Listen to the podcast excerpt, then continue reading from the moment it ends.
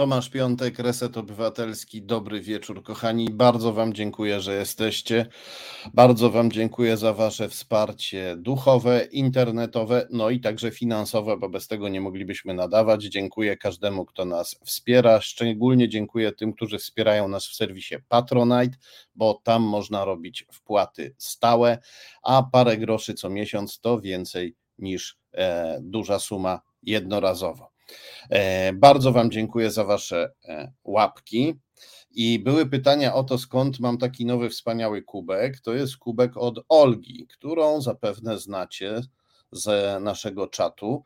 Więc bardzo dziękuję Oldze za kubek. No i proszę teraz wszystkich o specjalną łapkę dla Olgi za ten kubek i, e, i dla kubka, no bo kubek sam w sobie jest e, wspaniały, no a jeszcze milej pić z niego herbatę, wiedząc, że e, to taki dar serca od Olgi, którą tutaj wszyscy chyba w tym momencie specjalnie pozdrawiamy, co nie znaczy, że ja się dopraszam tutaj jakichś prezentów. Najbardziej mi zależy na, na waszej uwadze, no ale każdy taki dar serca po prostu robi ciepło, ciepło w sercu. Kochani, będziemy dzisiaj mówić o sprawach e, niezwykłych, bardzo niezwykłych i będziemy mieć gości niezwykłych. Pierwszym gościem jest senator Krzysztof Brejza, którego serdecznie zapraszam do studia.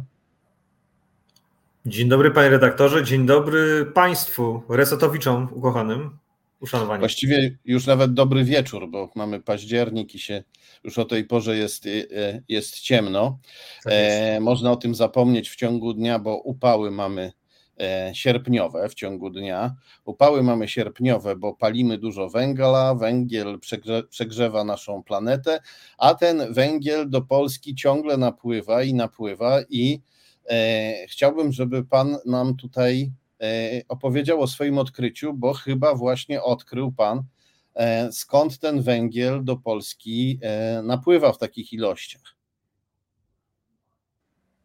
Brytyjskich portów, szanowni państwo, i wbrew temu śmieszkowaniu i ignorowaniu problemu przez rząd PiS, płynie węgiel, pomimo wojny, agresji zbrodniczej Putina na Ukrainę, węgiel płynie do portów, z portów rosyjskich do portów polskich. E, ustaliłem, że ponad milion ton e, węgla e, z obwodów Lenin, z obwodu leningradzkiego, to jest głównie port Wyborg i port Sankt Petersburg, ale też inne porty Federacji Rosyjskiej. Ponad milion ton węgla stamtąd wpłynęło, zostało wiezione, wpłynęło statkami do portów polskich. I powiem Państwu, y, to jest skrajnie niemoralne, to jest y, coś okropnego. Reakcja władz y, na to, bierność, wręcz akceptacja wypowiedziach wielu polityków PiS, no jest porażająca, ponieważ ja zostałem wręcz zaatakowany przez polityków PiS. Problem został nie tyle nawet zignorowany przez nich, ale przez tę władzę pełną hipokryzji został y, zalegitymizowany. Znaczy, PiS nagle staje się zwolennikiem liberalnego podejścia do izolowania Rosji. Y, metkowany jest ten węgiel, sprzedawany jest jako węgiel y, kazachski, w papierach tak jest, albo innych krajów, ale wiemy dobrze, że Rosja już w, już w 2017 roku był problem z rosyjskim węglem, problem z węglem z, z Donbasu, którego dokumentacja była fałszowana. I powiem Państwu, ja nie mam żadnego zaufania do tego, co przypływa z portów rosyjskich, bo nie mamy żadnej pewności, że ten węgiel rzekomo kazachski nie jest mieszany, albo że transporty nie są dziś dostawiane. Co się dzieje w Rosji, co się dzieje na torach infrastruktury rosyjskiej Putina, co się dzieje w portach. To jest rzecz, która, z którą Polska nie, nie powinna mieć nic wspólnego, a wychodzą politycy PiSu i zachwalają ten proceder, mówiąc, że to jest węgiel kazachski, ale nie mówiąc, skąd on płynie i kto na tym zarabia. No zarabia na tym Władimir Putin. Znaczy nagle PiS staje się zwolennikiem liberalnego podejścia do izolacji e, Rosji, mówiąc, że to jest węgiel kazachski I nawet jeżeli to będzie węgiel kazachski, kazachski marsjański, węgiel z Jowisza, ten węgiel przechodzi przez infrastrukturę Władimira Putina, zarabia na tym Federacja Rosyjska, zarabia na tym spółki rosyjskie, zarabia na tym budżet państwa zbrojniczego. Zarabia na tym i to jest krwawy węgiel i nie mamy, znaczy my, no my, my go nie chcemy, ale rząd PiS nie ma moralnego prawa legitymizować tego procederu. To jest rzecz, rzecz, rzecz skandaliczna. No to jest ponad milion y, ton. To są ogromne miliony, y, które zasiliły budżet Putina poprzez opłaty portowe, poprzez transport. Y, więcej, tam jest też proceder, panie redaktorze, i poprzez kontrolę nocną w porcie w Szczecinie zarejestrowałem Roseburg, który wpływał w nocy do portu w Szczecinie, z którego ten węgiel był wyładowywany. Ten statek wiózł rzekomo węgiel e, kazachski, e, wiózł, e, wiózł i wypakowywał go na nabrzeżu, ale załoga tego statku, co udało mi się ustalić, to nie, i kapitan jest narodowości, narodowości z paszportem Federacji Rosyjskiej. Ja chcę zadać pytanie. Trwa agresja Rosji na Ukrainę. W propagandówce rosyjskiej grozi się Polsce likwidacją niepodległości, jakim prawem rząd polski dopuszcza do tego, żeby kapitanowie narodowości rosyjskiej, marynarze rosyjscy na statku z, ba z banderą jakiegoś państwa karaibskiego, ale statku, który należy do spółki zarejestrowanej w Federacji Rosyjskiej, takie są ustalenia Gazety Wyborczej, jakim prawem y, marynarze rosyjscy na takich statkach wpływają sobie do portów polskich, które są elementem infrastruktury krytycznej. Tak czy siak jest to proceder skrajnie niemoralny i uważam, że rząd Rzeczpospolitej Polskiej, przyszły rząd po 15 października, powinien chronić polskich interesów narodowych. Rząd PiS tego nie robi, dopuszczając do tego, że portów Putina y, wożony był y, do portów polskich. Bo ja tutaj patrzę na to, co mówią pisowcy, i pisowcy mówią, że węgiel jest na pewno kazachski, bo, takie, e, bo tak jest w papierach napisane, w papierach, które przywieźli Rosjanie, no a Rosjanom i rosyjskim papierom trzeba wierzyć, no bo oni przecież nie kłamią, prawda? Nigdy. E, I e, przy okazji jeszcze widziałem, jak niektórzy pisowscy politycy, propagandziści zaczęli wychwalać pod niebiosa Kazachstan który jest państwem autorytarnym, zaprzyjaźnionym z Rosją. Mówi się nam teraz, że to jest państwo tak nie do końca zaprzyjaźnione z Rosją. E, no to jest prawda, bo obok wpływów rosyjskich są tam wpływy chińskie, no ale Chiny to jest kolejna zbrodnicza dyktatura i główny sojusznik Władimira Putina teraz. Więc ja nie wiem skąd te zachwyty nad Kazachstanem i skąd ta głęboka wiara w e, rosyjskie papiery i w to, co mówią Rosjanie. A dodatkowo jeszcze przeczytałem w gazecie wyborczej, że ten węgiel w Kazachstanie, nawet jeśli on jest kazachski, to wydobywają go Rosjanie, a dokładnie firmy związane z putinowskim oligarchą Olegiem e, Deripaską. E, I w tym momencie to myślę, że to trzeba przejść do jakiejś, właśnie w tym momencie chyba by trzeba już przejść do jakichś takich zdecydowanych konkluzji, no bo widzieliśmy, E, zerwanie z Ukrainą, e, e, takie wbicie Ukrainie noża w plecy. Teraz widzimy ten węgiel. Widzimy, że PiS broni tego kazachskiego węgla z Rosji jak, jak swojej, jak, jak niepodległości, chciałoby się powiedzieć, tylko że to jest coś, co zagraża naszej niepodległości. PiS broni rosyjskich, portfeli rosyjskich oligarchów, putinowskich oligarchów węglowych, transportowych, jakby to były ich własne portfele. I w tym momencie to, e, e, no nie wiem, czy, czy pan jako polityk może to powiedzieć, ale ja zadam to pytanie. Czy to jest e, zdrada? Czy to jest zdrada Polski ze strony PiS? Moim zdaniem, w mojej opinii, jest to działanie anty, antynarodowe, uderzające w interesy Polski i wie pan co, no, czytam tutaj też wypowiedź pana, który wyśmiewa to, e, nawiązując do wypowiedzi wice, wiceministra PiSu. Nazywa mnie pierwszym stępkowym. E, nawiązuje do wpisu, w którym wiceminister infrastruktury wyśmiał to, że byłem na kontroli poselskiej, chcąc nagłośnić problem wwozu do Polski węgla i zarabiania przez Putina z rosyjskich portów. Szokuje, y, szokuje nastawienie też części elektoratu PiSu, ponieważ ci ludzie są przeświadczeni, duża część z tych, z tych ludzi, jak z nimi roz, dziś rozmawiałem, wchodziłem w dyskusję poprzez y, kanały internetowe, oni są przeświadczeni, że ten węgiel płynie z Kazachstanu de facto i że on omija Rosję.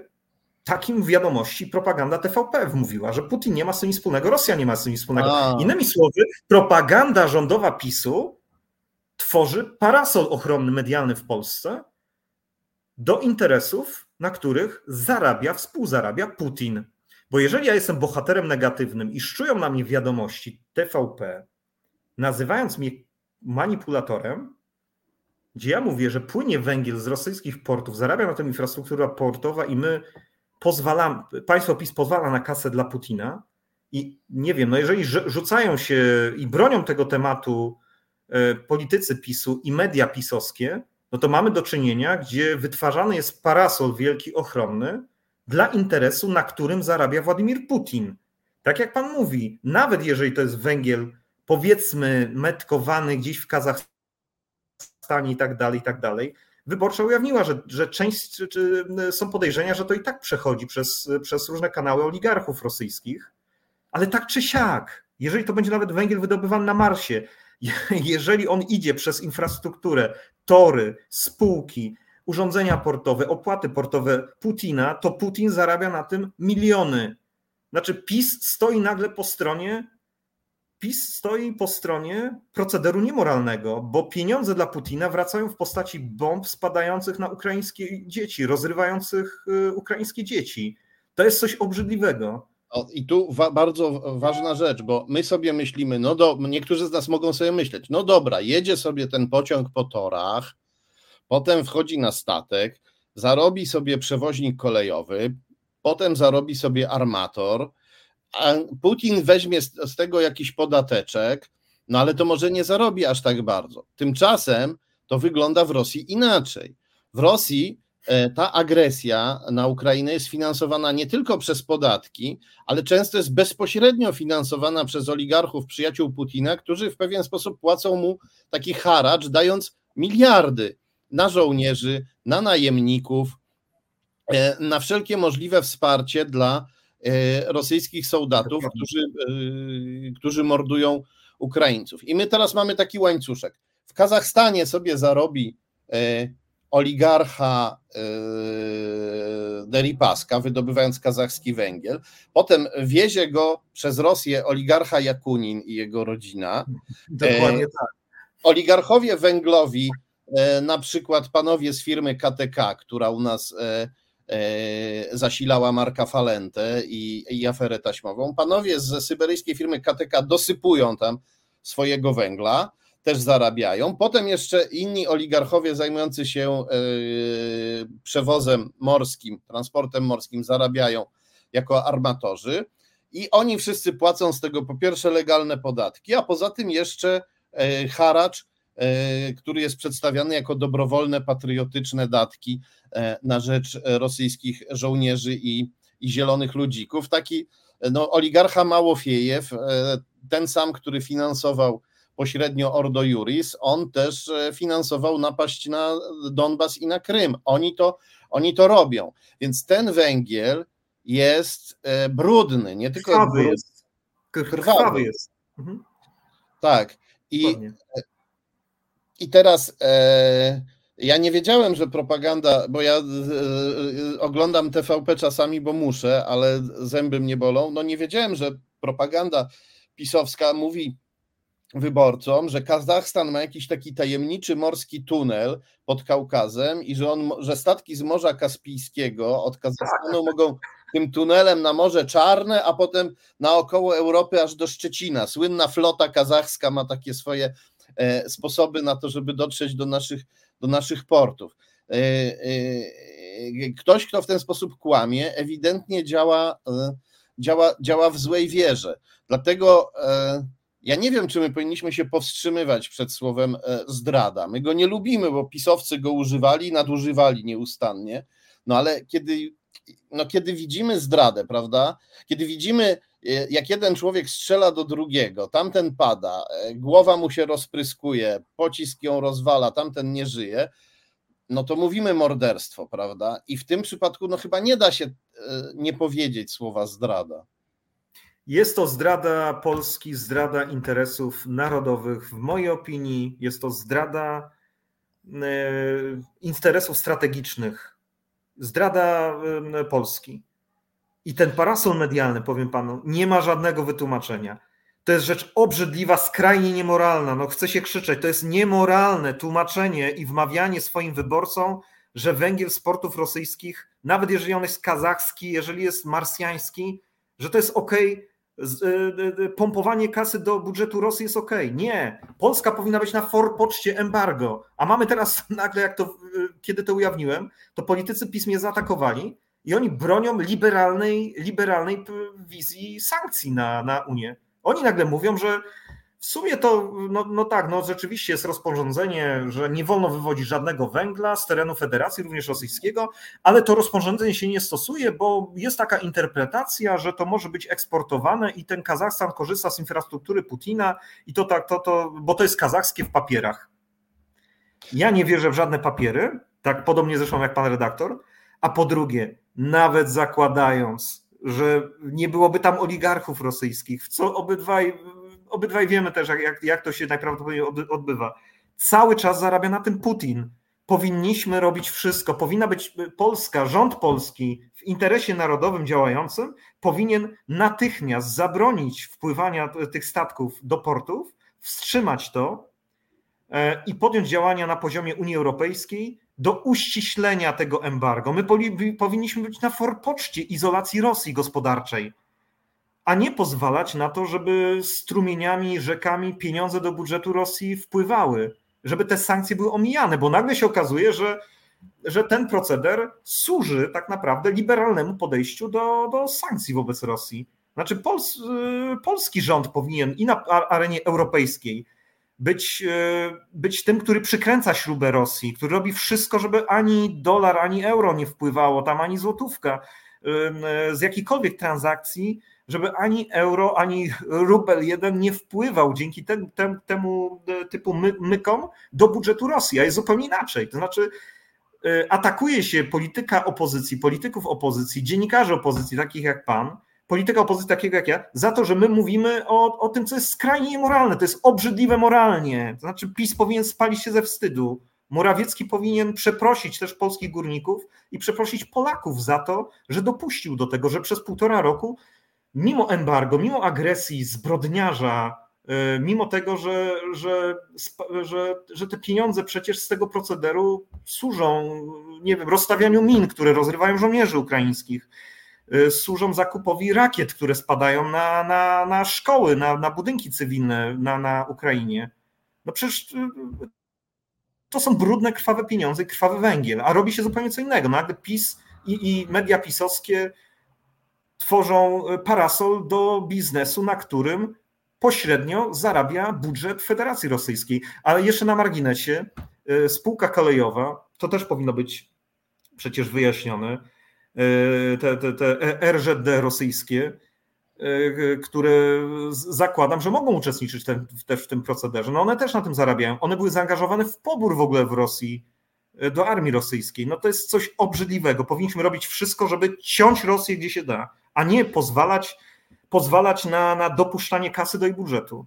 A to jest spółka kontrolowana przez rodzinę Jakuninów jej głowa Władimir Jakunin to były szpieg KGB w Nowym Jorku, przyjaciel Putina, dygnitarz kremlowski, który stał się oligarchą i który e, finansuje międzynarodówki ultraprawicowe, z którymi współpracują założyciele słynnej organizacji Ordo Juris, o której już tutaj e, mówiliśmy. To są ludzie, którzy robią wszystko, żeby e, zamordować Ukrainę i żeby zatruć też życie w Polsce. To są to są nasi wrogowie. Co do górników, no to tutaj też e, dziwię się, że górnicy nie palą opon, bo najpierw rząd PiS im mówił, polski węgiel to wspaniałe bogactwo na 200 lat zostanie z nami. Potem im nagle powiedział po paru latach, słuchajcie, odkryliśmy niezwykłą rzecz, węgiel zanieczyszcza jako paliwo, węgiel jest szkodliwy, więc e, właściwie to się będziemy musieli z tym węglem pożegnać, a równocześnie sprowadzał najpierw jawnie, a teraz tajnie ogromne ilości węgla, e, węgla, węgla rosyjskiego. Gdybym był e, górnikiem, to pewnie miałbym już od tego wszystkiego e, niezły, niezły, niezły ból głowy. Jeśli słuchają nas jacyś górnicy, czego nie wykluczam, to powinni to sobie, powinni to sobie przemyśleć. To na koniec ostatnie pytanie, bo tutaj to jest pytanie, które często powraca i teraz pojawiło się w jednym z komentarzy.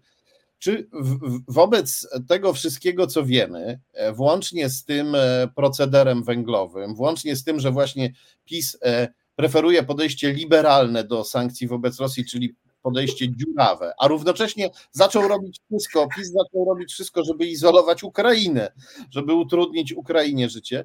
Czy patrząc na to wszystko, na, na tę zdradę, którą widzimy i na to może złodziejstwa i korupcji, czy jest E, możliwe, że po zmianie władzy PiS zostanie uznany za organizację przestępczą i zdelegalizowany. Panie redaktorze, ja jestem zwolennikiem rozliczenia PiSu, zwłaszcza za sprawę nielegalnych podsłuchów. E, I takie śledztwo trwa w Ostrowie Wielkopolskim, w którym jestem pokrzywdzonym, i wierzę w to, że jak będzie prokuratura niezależna, to kilku czołowych polityków PiS za tę sprawę poniesie odpowiedzialność, y, poniesie odpowiedzialność y, karną. W tym obszarze, który znam najlepiej, czyli w obszarze Pegasusa, y, mam taki materiał zgromadzony razem z moją żoną, że w normalnym państwie demokratycznym e, osoby odpowiedzialne dawno miałyby zarzuty za to i, i skierowany byłby akt oskarżenia. I na marginesie chciałbym też e, poprosić Państwa, zaprosić do lektury książki, już od dwóch dni jest dostępna, redaktora Michała Kokota, wydawnictwo Agory pod tytułem Polska na podsłuchu. To jest książka, która pokazuje system, mechanizm zapięcia prokuratury, służb, Pegasusa, polityków Solidarnej Polski, PiSu mm, do, do niszczenia opozycji w Polsce. E, tam e, redaktor Koko dotarł do źródeł e, w wielu instytucjach. Jest to bardzo ciekawa książka, można ją dostać w Empiku. Mm, natomiast powiem panu, ja będę ten temat badać. To jest to, co mogę panu obiecać. Jakie będą tego rezultaty? Myślę, że niebawem pan redaktor też będzie o tym poinformowany, ale te tropy rosyjskie i ten, ten węgiel, moim zdaniem, moim zdaniem no, no, no jest jakiś w Polsce po prostu układ biznesowo-służbowy na tym wszystkim. No powiedzmy sobie wprost. Gdyby rząd kierował się interesem narodowym, to prowadziłby bardzo konsekwentną politykę wobec Rosji, weryfikacji przepisów, weryfikacji procedur, sprawdzania, co wpływa, gdzie wpływa.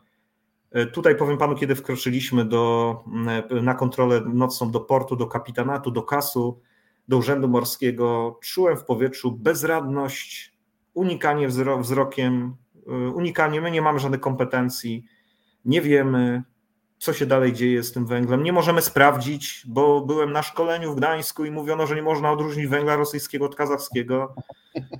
I powiem panu, trwa wojna i urzędnik polski, urzędnik Kasu Izby Celnej Urzędu Morskiego powinien być pierwszym do cięcia Rosji i do tego, żeby statek e, z rosyjską załogą zaresztować, a nie wpuszczać do infrastruktury krytycznej, portu, e, do portu, jak, który jest częścią infrastruktury krytycznej.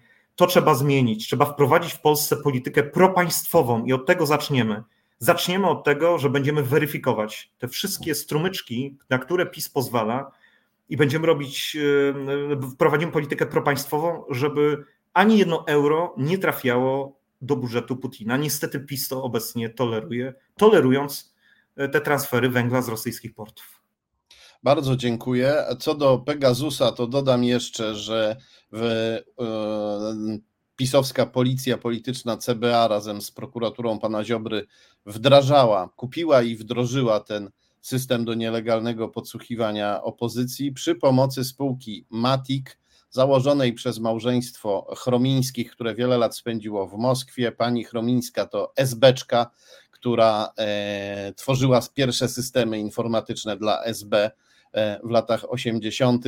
Także, e, a i firma Matic współpracowała też z włoską firmą Hacking Team, która z kolei obsługiwała FSB, czyli ukochaną służbę specjalną Władimira Putina. Także ja jestem, mam podejrzenie graniczące z pewnością, że informacje z Pegasusa, dane zdobyte przy pomocy systemu Pegasus trafiały nie tylko na biurko Jarosława Kaczyńskiego, ale również na parę biurek w Moskwie niestety. Bardzo dziękuję panu e, senatorowi za odwagę. Skrajnie za... niemoralna, skrajnie niemoralna ekipa.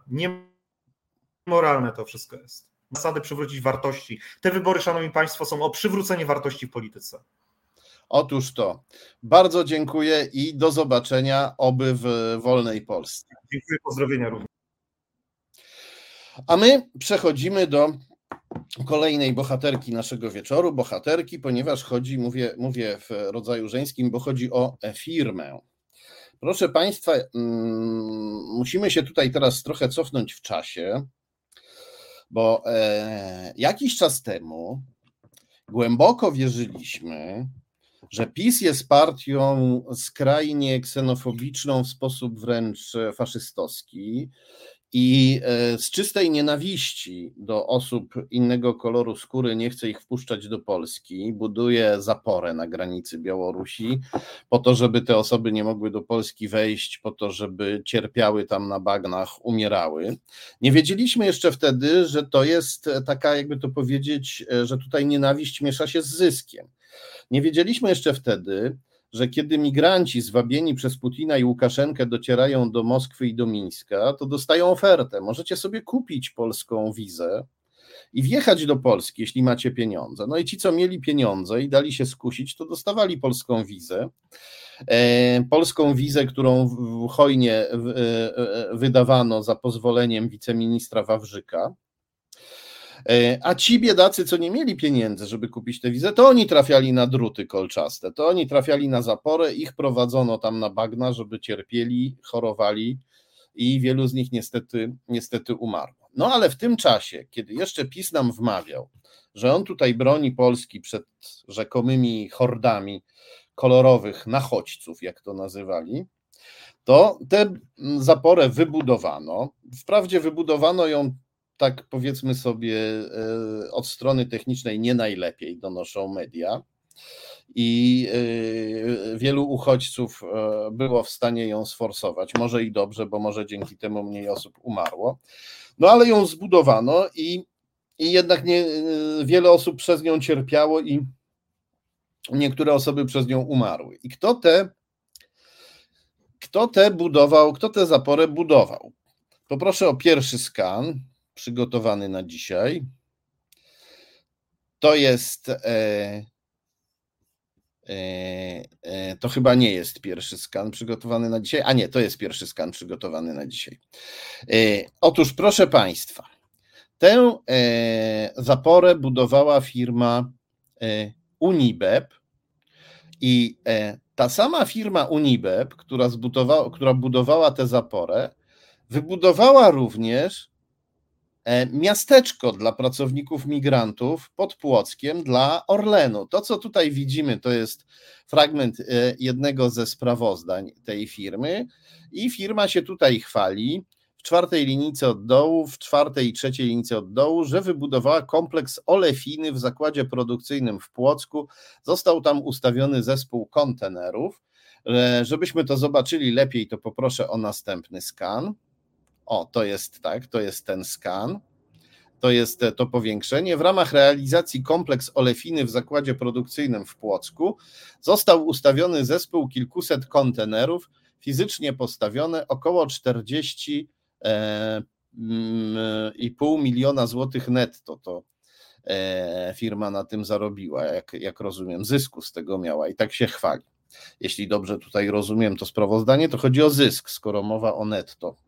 Nie jestem ekonomistą, więc może tutaj ktoś mnie poprawi, jeśli się mylę. I w związku z tym, i że firma tutaj tak to zbudowała i tak się tym chwali swoim zyskiem, to pokażmy jeszcze, że to firma się tym chwali nie tylko w swoich. E, e, nie, nie, nie, nie. E, pokazaliśmy tutaj, ale dobrze. Iza nam właśnie pokazała skan z fragment artykułu z Gazety Rzeczpospolita, gdzie jest mowa o tym, że firma Unibeb, że firma Unibeb buduje zaporę. Buduje zaporę na granicy z Białorusią że firma buduje zaporę na granicy z Białorusią, firma Unibeb, czyli ta sama firma, która się chwaliła tym, że buduje miasteczko dla migrantów. Czyli z jednej strony, prawda, e, e, PiS nam mówi, że nie chce w Polsce migrantów i buduje dla nich zaporę przy pomocy firmy Unibeb, a potem PiS rękami Orlenu e, i tej samej firmy Unibeb buduje jednak miasteczko dla pracowników migrantów. I w tej niesamowitej obłudzie i dwulicowości uczestniczy przez cały czas ta sama firma Unibeb, co jest bardzo dobrym e, dowodem tej dwulicowości. Iza nam pokazała skan, a ja chciałem, żeby Iza nam pokazała filmik, albowiem ta firma, firma e, e, Unibeb chwali się nie tylko w swoich sprawozdaniach, że wybudowała to miasteczko dla Orlenu, dla pracowników migrantów, ale e, ona się też e, tym chwali no już całkiem otwarcie e, na YouTubie, w serwisie YouTube, gdzie znaleźliśmy taki właśnie filmik, filmik zamieszczony przez firmę Unibeb, gdzie ona pokazuje, jak Gracko to zbudowała, to miasteczko. Poproszę Izę, żeby nam pokazała.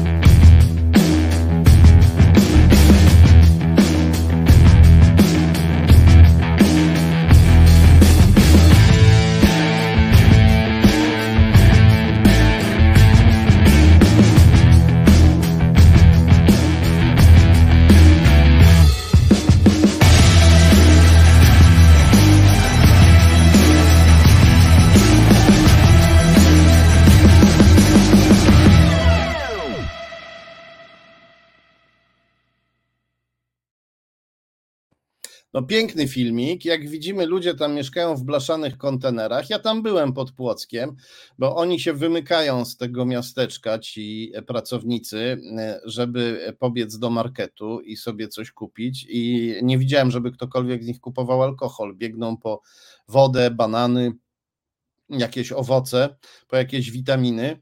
E, rozmawiałem z nimi, no i e, mówili, że nie mają klimatyzacji w tych blaszanych barakach, a byłem tam, kiedy były potworne upały. Być może jak to byli Hindusi i Filipińczycy, oni te upały e, znoszą trochę lepiej jako ludzie z gorętszego klimatu, no ale jednak oni też musieli się tam nieźle w tych blaszakach, w tych blaszakach cierpieć w ten, w ten upał. No i proszę, tu firma zbudowała takie śliczne miasteczko dla pracowników migrantów, a tu zbudowała płot z drutem żyletkowym, e, też dla, też dla migrantów.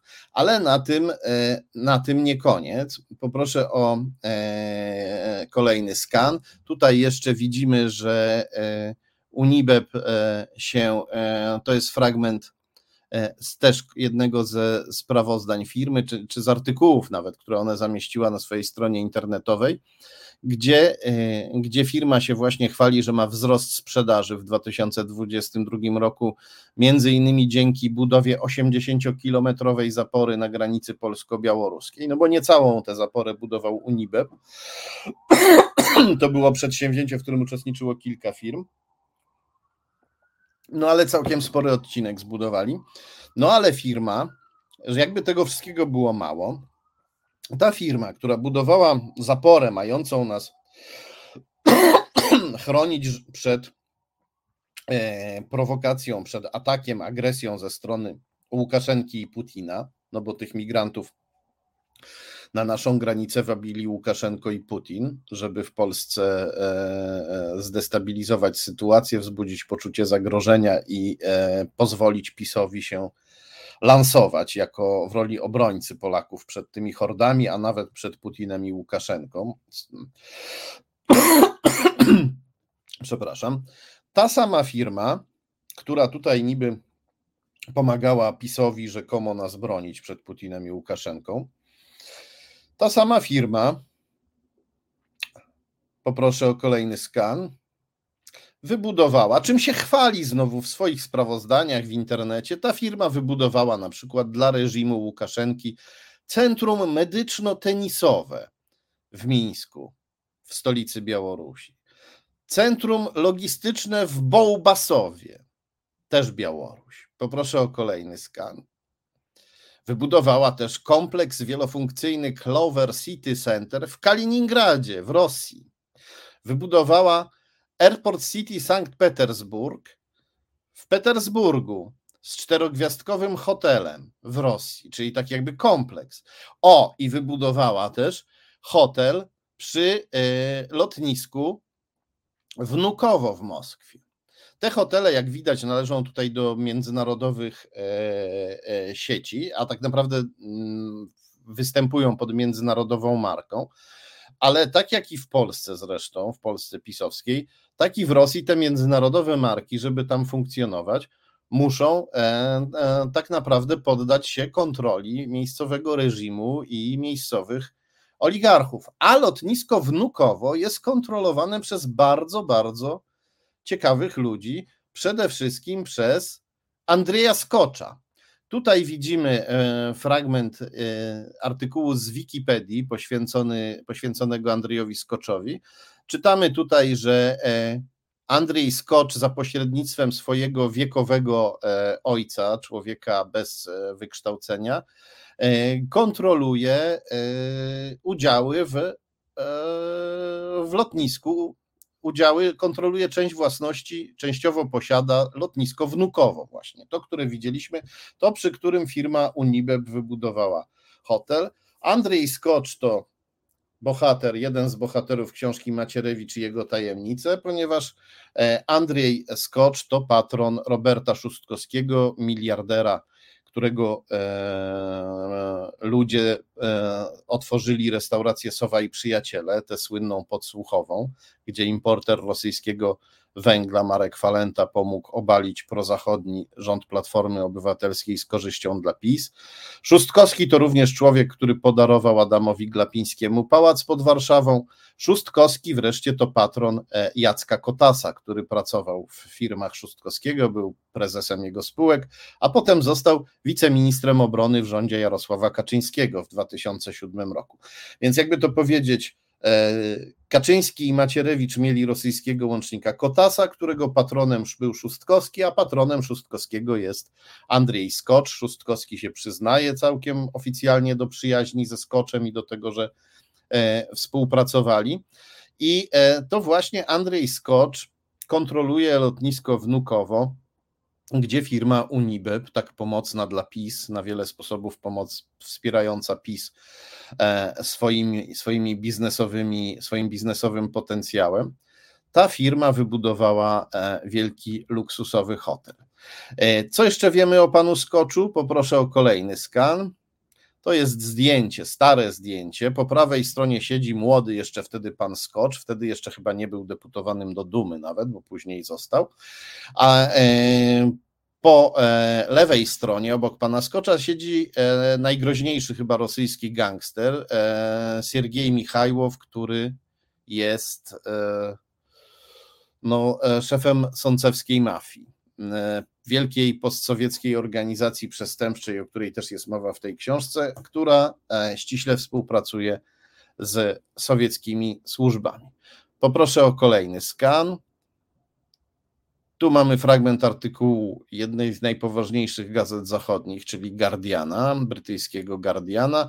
Tu właśnie czytamy, że ten artykuł e, odnosi się do zdjęcia, które widzieliśmy. Tutaj właśnie czytamy, że Andrzej Skocz siedzi obok Siergieja Michajłowa, najbardziej e, jednego z naj, dwóch najgroźniejszych gangsterów Rosji. Tak e, Michajłowa, kolegę Skocza przedstawia Guardian. I poproszę o kolejny skan artykułu. I tu widzimy, że tutaj czytamy, że Skocz przyznaje się, że zapoznał się z Michajłowem wtedy właśnie, kiedy zaczął wykupywać firmy działające na lotnisku Wnukowo. No najwyraźniej jeszcze zanim trafił tam pan Skocz, to lotnisko było pod szczególną opieką sącewskiej mafii i kremlowskich służb, które z tą mafią współpracują, co w książce Macierewicz i jego tajemnice zostało opisane. E, poproszę o kolejny skan. Tutaj mamy kolejny ciekawy przypadek. To jest centrum handlowe Trinity w Grodnie e, w Białorusi, też wybudowane przez Unibeb. Unibeb się e, tutaj e, chwali też na swojej stronie, w swoich sprawozdaniach, że wybudował to centrum handlowe.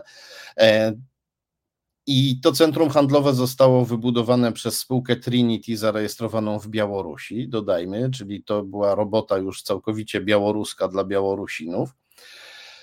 I tu można spytać, jak długo ta współpraca z postsowieckim wschodem, jak długo ta współpraca firmy Unibeb z postsowieckim wschodem E, jak długo ta współpraca trwała? Poproszę o kolejny skan.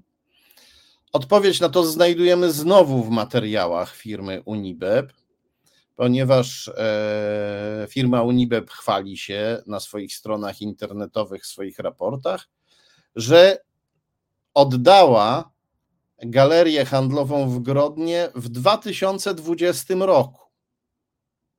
Czyli to już było e, Sześć lat po tym, jak Putin napadł na Ukrainę, i jak dla wszystkich było jasne, że e, i, i wtedy już dla wszystkich było jasne, że Łukaszenko e, popiera Putina i nie da się Łukaszenki od Putina odciągnąć. Niektórzy wcześniej mieli takie złudzenia. I dla wszystkich było jasne, że z kremlowskim reżimem i jego białoruskim prokremlowskim sojusznikiem współpracować nie należy. Poproszę o kolejny skan. Tutaj jeszcze czytamy, że firma w 2022 roku, firma Unibeb chwali się, że to, co zbudowała dla białoruskiego reżimu, ta galeria handlowa w Grodnie jest nowoczesna, kolorowa, przyjazna dla klientów.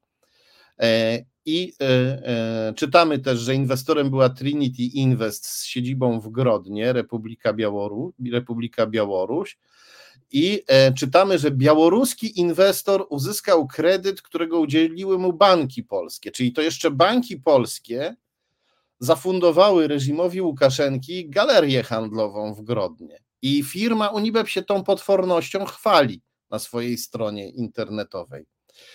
E, teraz firma Unibeb e, twierdzi, że zerwała z Białorusią. Poproszę o kolejny skan. W raportach Tutaj widzimy przykład, fragment jednego ze sprawozdań, jednego z raportów.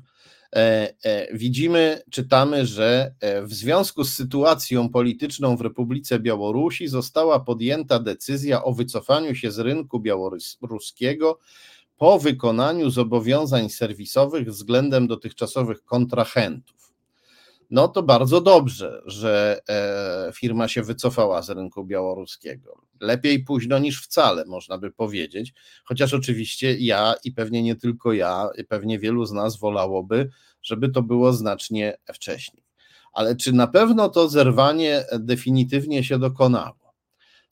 Czy na pewno tak do końca zerwano? No tu się pojawiają wątpliwości, ponieważ e, firma, poproszę o kolejny skan, firma Unibeb e, ma wiceprezesa zarządu, który się nazywa Leszek Marek Gołąbiecki. Widzimy tutaj fragment, e, fragment strony serwisu rejestr IO, opartego na Krajowym Rejestrze Sądowym. Na górnej belce małymi literami mamy napisane Unibeb, a pod spodem jest nazwisko Leszka Gołąbieckiego i jego funkcja jako wiceprezesa zarządu. No i to jest taki ważny wiceprezes, bardzo ważny. Każdy wiceprezes jest ważny, a ten jest szczególnie ważny, no bo bywał też prezesem. Poproszę o kolejny skan. Kolejny fragment strony z serwisu rejestr IO. Widzimy, że w firmie Unibeb e, pan Gołąbiecki bywa również czasami prezesem, wiceprezes, potem prezes, potem znowu wiceprezes. W tej grupie Unibeb takie funkcje pan Gołąbiecki pełni. No i tak się niestety składa, poproszę o kolejny skan, że pan e, Gołąbiecki wciąż e, zasiada w Radzie Polsko-Białoruskiej Izby Handlowo-Przemysłowej. Widzimy go tutaj po środku tego skanu, jego nazwisko Leszek Gołąbiecki. I zasiada tam e, z ludźmi Łukaszenki. Pod spodem widzimy nazwisko pana Aleksandra Gołowarowa. I kim jest pan Aleksander Gołowarow? Tu zajmujemy się panem Gołowarowem dla przykładu, bo tam jest więcej tych Białorusinów w tej izbie i można by o nich wszystkich opowiadać, no ale e, nie mamy na to czasu, więc zajmujemy się tylko panem Gołowarowem. Poproszę o kolejny skan. Pan Gołowarow, kolega z Izby Polsko-Białoruskiej pana Gołąbieckiego, wiceprezesa Unibepu. Pan Gołowarow, jak tutaj czytamy e, e, na stronie serwisu polandasia.com, czytamy, że pan Gołowarow to jest naczelnik Wydziału Współpracy Międzynarodowej Białoruskiej Izby Handlowo-Przemysłowej w Mińsku. No to jest e, posada absolutnie reżimowa i to, e, jakby to powiedzieć, e, to tak w takim bardzo strategicznym, ważnym miejscu dla tego reżimu, który walczy z sankcjami i próbuje sobie zapewnić, walczy z izolacją i szuka współpracy międzynarodowej za wszelką cenę, współpracy międzynarodowej w zakresie handlu właśnie. E, Białoruś nie ma może aż tak wielkich problemów jak Rosja, ale problemy e, coraz e, większe, coraz większe ma. I, I z tym panem Gołowarowem właśnie który pełni taką ważną funkcję. Na pewno utrzymuje też kontakt ze służbami specjalnymi Białorusi, pan Gołowarow. Z takim panem Gołowarowem, wiceprezes firmy Unibeb, według Krajowego Rejestru Sądowego, e, według serwisu Rejestr IO, nadal zasiada w Radzie Izby Przemysłowo-Handlowej Polsko-Białoruskiej.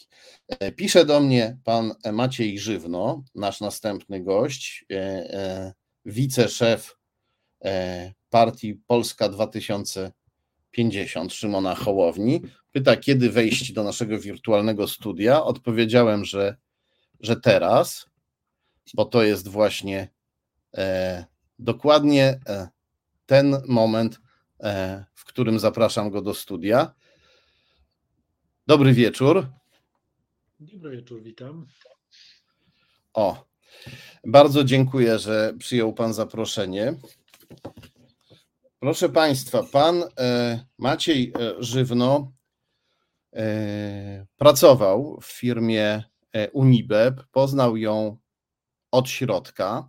Ja poproszę e, naszą realizatorkę Izę, żeby pokazała nam jeszcze jeden skan. To jest skan, z serwisu LinkedIn, z serwisu dla profesjonalistów. Nie, nie, nie ten skan. Izo, pokazałaś poprzedni.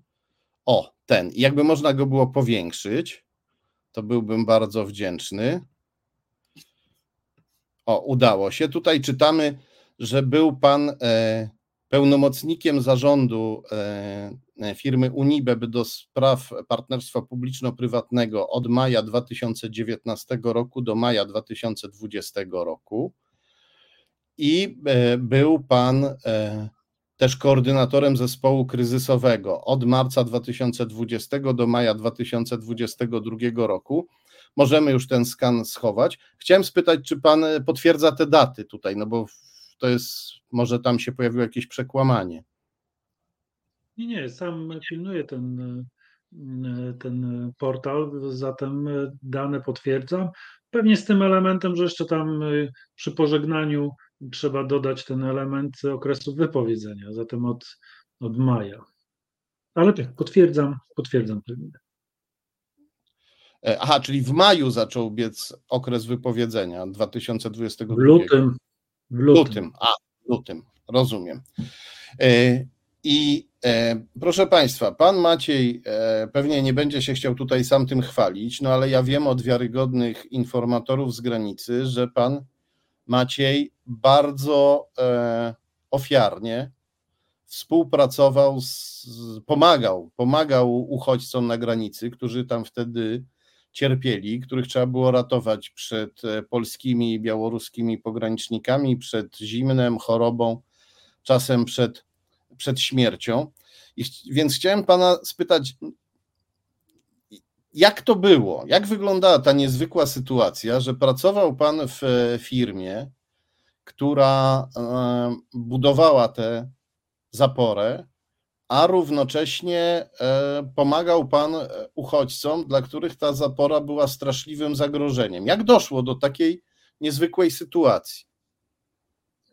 Kilka wątków Pan podniósł, ja jednak powiem w ten sposób.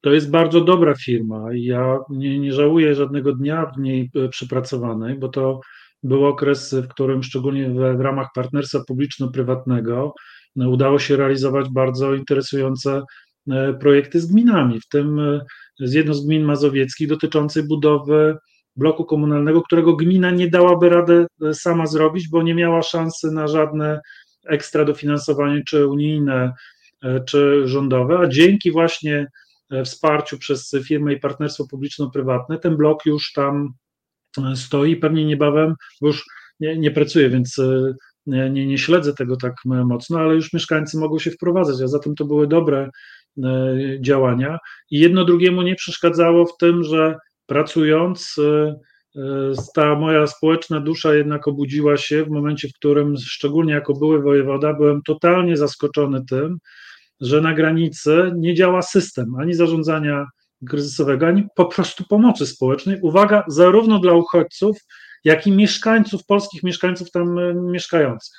I to zresztą był taki moment, w, w którym e, nawet część samorządowców zaczęła się do mnie odzywać jako do byłego wojewody, co mają e, robić. Niektórzy tacy jak burmistrz Michałowa mieli tą ikrę, że po prostu wzięli sprawy we własne ręce i zmierzam do tego, że E, pójście, nie, nie chcę tych historii opowiadać szczegółowo, tak, ale pójście najpierw e, zresztą właśnie ze wspomnianym Michałowem jako strażak ochotnik, a potem już jako ratownik grupy Granica z umiejętnościami ratowniczymi, okazało się, że ludzie, którzy przejdą tą granicę, bardzo często e, cierpią w niesamowitych warunkach, szczególnie zimą w podlaskich polskich lasach i tak udzielałem pierwszej pomocy, szczególnie dzieciom i rodzinom, i to były także dla mnie bardzo traumatyczne e, historie, bardzo trudne, z grupą e, aktywistów.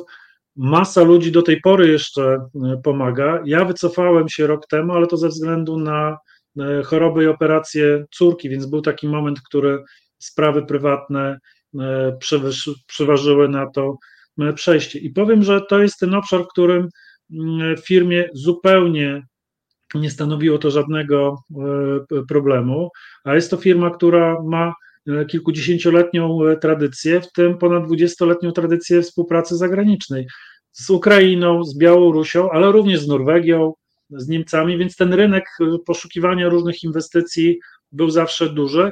Jak rozumiem, od wielu lat również, bo ja w tej sferze akurat nie przyglądałem się, to trzeba byłoby dopytać samą firmę, realizujący zlecenia również dla uwaga, różnych rządów, a zatem e, wystartowali w przetargu i na e, zaporę.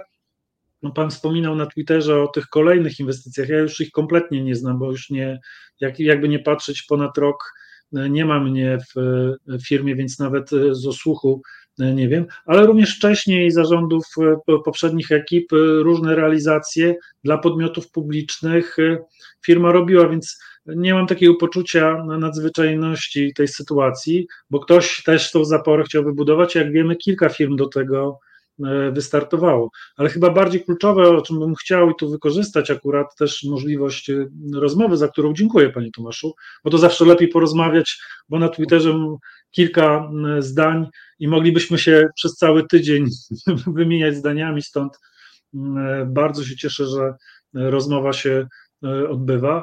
Ja chciałem podkreślić, że ta zapora tak naprawdę nie załatwiła żadnej e, sprawy.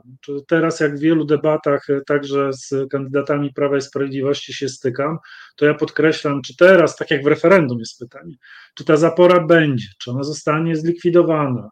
Ona nie załatwia sprawy, bo ruch uchodźczy dalej na tej granicy jest żadna zapora, nawet z tą elektroniką, która jest, nie spowoduje rozwiązania problemu, bo ten problem trzeba rozwiązywać znacznie e, dalej. Szukając jakichś form jednak kontaktu z Białorusią, żeby przekonywać ten reżim do tego, żeby zaprzestał takiej formy czy tej wojny hybrydowej, czy działania z, w ten sposób, ale też z krajami, które puszczają te samoloty do Białorusi z uchodźcami. Ja bym, mówiąc uczciwie, zamiast wydawać te pieniądze PiSu na promocję bezpłatnych autostrad, co jest w ogóle jakimś kuriozum, to ja bym wydał raczej te pieniądze na promowanie w tych krajach za granicą informacji, że ta trasa przez Białoruś do Europy wcale nie jest E, taka bezpieczna, a jednocześnie skończyłbym z kryzysem humanitarnym. Naprawdę stać nas na to, żeby prowadzić normalną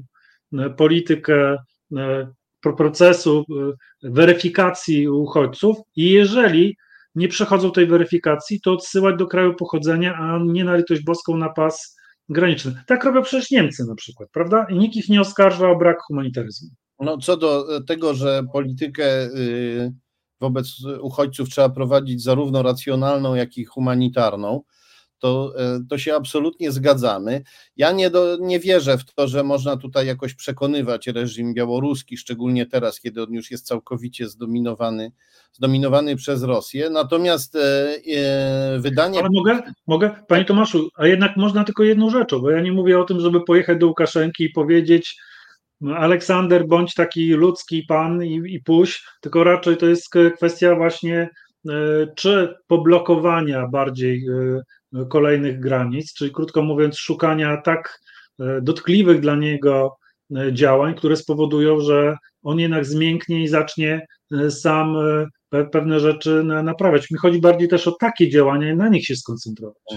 Tak, to byłoby, to byłoby bardzo E, e, bardzo, bardzo pożyteczne. Niestety PiS, jak teraz e, pisałem o tym w Gazecie Wyborczej, wystawił na listach wyborczych wielu miłośników białoruskiego reżimu, włącznie z posłem Sachajką, który jest wiceszefem prołukaszenkowskiego Stowarzyszenia Polska, Polska Białoruś. A wracając jeszcze do tamtego momentu, kiedy firma się zaczęła z Unibep starać o E, o zlecenie na budowę części tej zapory. E, pan wtedy odpowiadał też za e, przeciwdziałanie kryzysom. Czy miał Pan wtedy świadomość, że budowa tej zapory będzie się wiązać z ogromnym kryzysem ludzkim, etycznym, wizerunkowym? Czy ostrzegał Pan firmę, żeby w tym nie brała udziału? Panie Tomaszu, to jest zupełnie inna przestrzeń. Ja odpowiadałem za przeciwdziałanie i pomoc E, z COVID-em. To jest potężne mhm. przedsiębiorstwo, które ma e, ponad półtora tysiąca e, pracowników w kraju i na świecie, ale tym budowy, fabryka, co powodowało, że to było z racji moich wcześniejszych doświadczeń jako wojewody podlaskiego, który tu zarządzał sytuacjami kryzysowymi. Świetny zespół w firmie powodował, że udało się no, stosunkowo suchą nogą E, przejść, czyli krótko mówiąc, nie zamykać budów i zakładów. I powiem panu szczerze, że to była główna e, koncentracja moich działań, powodująca, że nawet nie patrzyłem, bo nie byłem też w, w zarządzie, tak, więc nie patrzyłem na zainteresowanie jakimikolwiek mm, przetargami, e, inwestycjami innymi, bo to był moment, w którym bezpieczeństwo ludzi, funkcjonowanie firmy było najważniejsze. A zatem to jest ten moment, w którym to jest jedna z firm, która na, na, na bezpieczeństwo ludzi postawiła dosyć e, mocno. I, I może to tak e, zabrzmi dosyć interesująco, również przyjmując e, pracujących i Ukraińców, i Białorusinów, w tym okresie bardzo biorąc też pod parasol ochronny także tutaj, jak również te inwestycje, które z wcześniejszych lat, a były kończone do 20 roku, było też zabezpieczanie ludzi tam pracujących, bo jak wiemy, albo jak się domyślamy, tak, na Białorusi formalnie nigdy COVID-u e, nie było, więc e, generalnie rzecz biorąc, tamtejsze państwowe instytucje kompletnie się ludźmi nie interesowały. No tutaj tak, wiemy, że firma zadeklarowała i zakładamy, że mówi prawdę, że po 2020, po 2020 roku już nie E, prowadzi inwestycji w Białorusi. Nie wiem, jak jest w Rosji, no ale chcę wierzyć, że jest podobnie. E, natomiast wcześniej e, robiła te wielkie inwestycje w, i w Białorusi, i w Rosji, i to w miejscach takich dość strategicznych nie, i dla reżimu rosyjskiego, i dla rosyjskiej mafii, jak na przykład lotnisko E, wnukowo, gdzie e, inwestor zagraniczny no, musi wejść, w, czy, czy, czy nawet wykonawca zagraniczny musi wejść w układy e, z miejscowymi notablami, dygnitarzami, bossami. I Czy nie przeszkadzało to panu, kiedy zdecydował się pan na podjęcie pracy w tej, w tej firmie? To jest bardzo trudne i takie mocne wątki, które pan stawia. Warto zauważyć, że przed 20 rokiem e, bardzo dużo firm budowlanych, wszystkie największe, nie tylko polskie, ale i europejskie, które konkurują też i na polskim e, rynku, e, w Ukrainie, w Białorusi, w Rosji realizowały inwestycje. Ja tą firmę oceniałem zawsze bardzo pozytywnie z, z, wiedzy i proszę mi uwierzyć, gdyby to była firma, w której bym te informacje, które Pan przekazuje, były sprawdzonymi, potwierdzonymi, to bym w życiu progu firmy nie przekroczył, natomiast żadnego ani postępowania, ani działań czy oskarżeń pod jej e, kierunkiem nigdy e, do tej pory e, nie było i myślę, że to jest kwestia funkcjonowania też w dużych konsorcjach, które budują przedsięwzięcia za granicą, no też no właśnie i też na rynku zachodnim. No, krajobraz firm budowlanych jest trudnym na, na, na rynku funkcjonującym. Tak jak większość firm polskich, także podlaskich, około 20 roku musiała się wycofywać z, tak samo z Ukrainy, jak i z Białorusi, no bo się zamykała ta furtka możliwości e, e, realizacji. No tyle mogę w tym zakresie powiedzieć, bo to jest już taki zakres, który mógłby też odpowiadać raczej przedstawiciel firmy, a której przedstawicielem nie jestem przecież. No ja tutaj e, podaję informacje, którymi firma sama się chwaliła, nadal się nawet chwali w internecie, na swoich stronach internetowych, że budowała ten hotel na lotnisku Wnukowo, kompleks e, handlowy w Kaliningradzie. No, tym się, oni tym się sami. Tak, tak, tak. Myślę, że to jest na stronie, ale to trudno raczej powiedzieć, że e, chwaliłaby się tym, że dokonywała czegoś nie, nielegalnie, a zatem to są e, znaczy, legalne znaczy, przestrzenie. Znaczy Rosja, Rosja putinowska jest jako całość państwem nielegalnym, bo jest państwem mafijnym i w tej chwili też już terrorystycznym.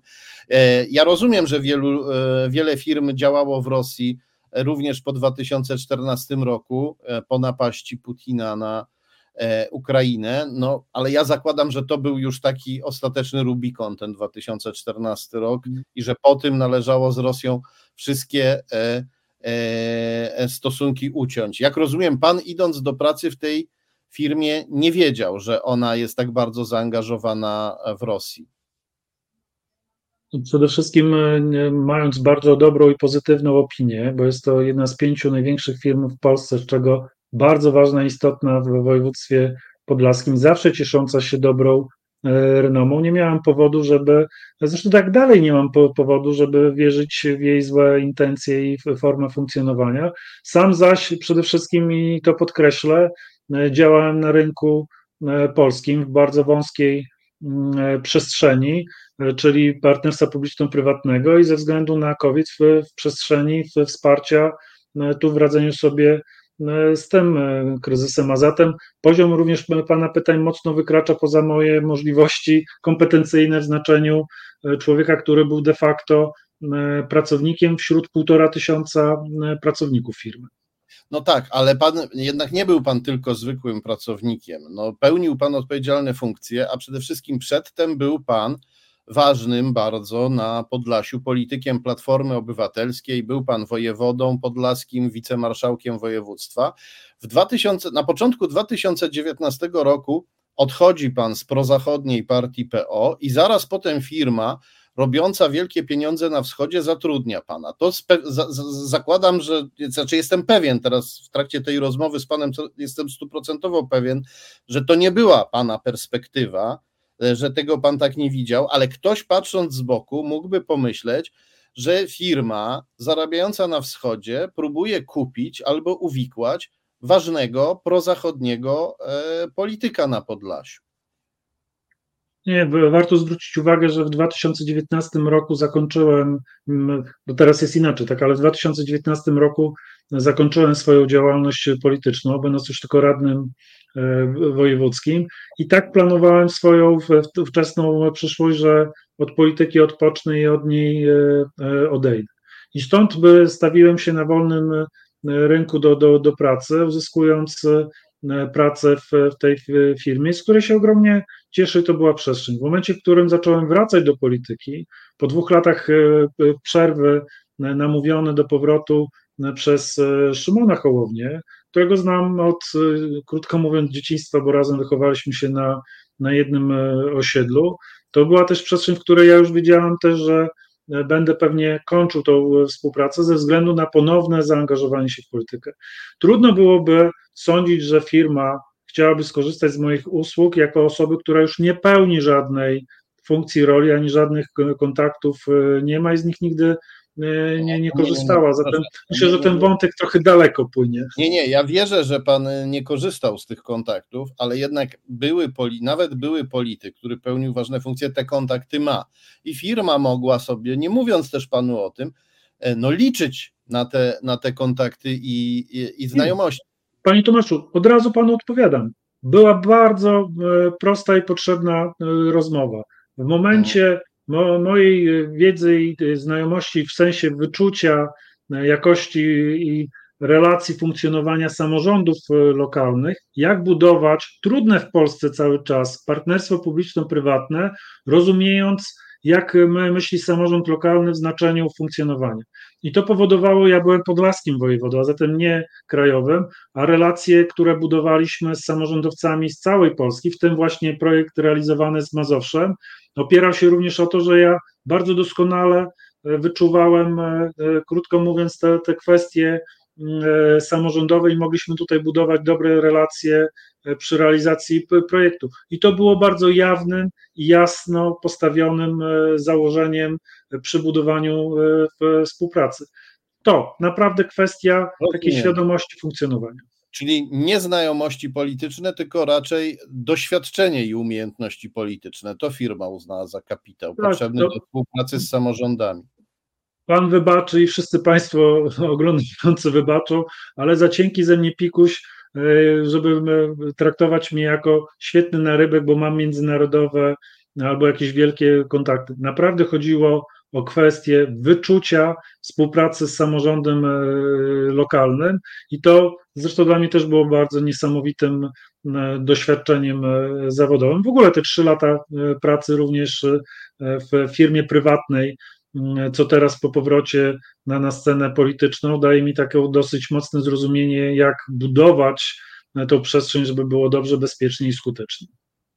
A dlaczego oprócz znajomości z Szymonem Hołownią, dlaczego zdecydował się Pan na współpracę z, z ruchem i na prowadzenie partii Szymona, Szymona Hołowni? Przede wszystkim e, dlatego, że powiało powiewem świeżości, współpracy ze społecznikami, e, dobrego klimatu i budowanego przez trzy lata e, programu, który w odsłonach trzyletnich naprawdę wygląda interesująco i ten klimat jest do dzisiaj. Ja zawsze mówię, dopóki będę wyczuwał społecznikowski dryk w tej formacji, to będę z nią związany. Rozumiem.